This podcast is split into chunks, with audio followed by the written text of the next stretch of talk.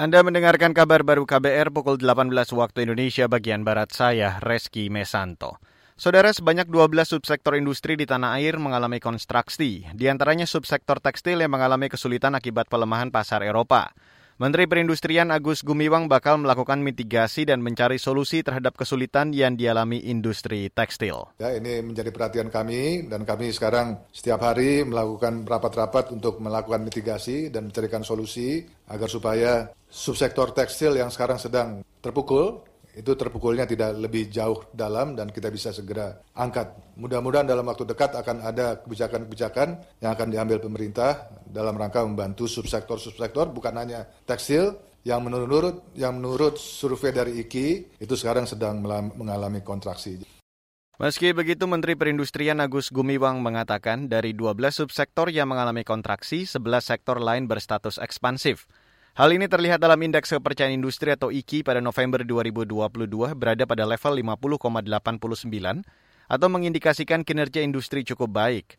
Lembaga Ombudsman RI pada awal bulan ini menyebut ada puluhan ribu karyawan mengalami PHK dan ratusan ribu dirumahkan dari sektor industri tekstil, garmen, dan alas kaki. Pengusaha beralasan PHK terpaksa dilakukan karena turunnya orderan untuk pasar ekspor. Beralih ke berita selanjutnya, Saudara Ferdi Sambo kembali menjalani persidangan sebagai saksi dalam kasus pembunuhan berencana terhadap Brigadir Yosua Huta Barat di Pengadilan Negeri Jakarta Selatan. Bekas Kepala Divisi Profesi dan Pengamanan Polri itu diperiksa sebagai saksi untuk tiga terdakwa, yaitu Richard Eliezer, Ricky Rizal, dan Kuat Maruf. Di depan hakim, Ferdi Sambo mengaku memerintahkan Eliezer untuk menghajar Yosua. Ia mengaku emosi kepada Yosua lantaran tidak kooperatif saat dikonfrontir soal pelecehan yang dilakukan ajudannya kepada istri Ferdi, Putri Chandrawati. Saya bilang kamu kurang ajar. Saya perintahkan Richard untuk hajar Cat. Bagaimana cara saudara memerintahkan Richard? Hajar Cat. Kamu hajar Cat. Kemudian ditembaklah Joshua sambil maju sampai roboh yang mulia. Itu kejadian cepat sekali tidak sampai sekian detik karena cepat sekali penembakan itu. Kemudian saya kaget, kemudian saya sampaikan stop berhenti. Ferdi Sambo mengaku panik saat Brigadir Joshua tergeletak tak bernyawa usai ditembak Eliezer. Ia mengaku yang ada di pikirannya adalah merekayasa kasus kematian ajudannya tersebut. Ferdi Sambo dan Putri Chandrawati didakwa melakukan tindak pidana pembunuhan berencana terhadap Joshua pada 8 Juli lalu. Ia jadi terdakwa bersama tiga orang lain.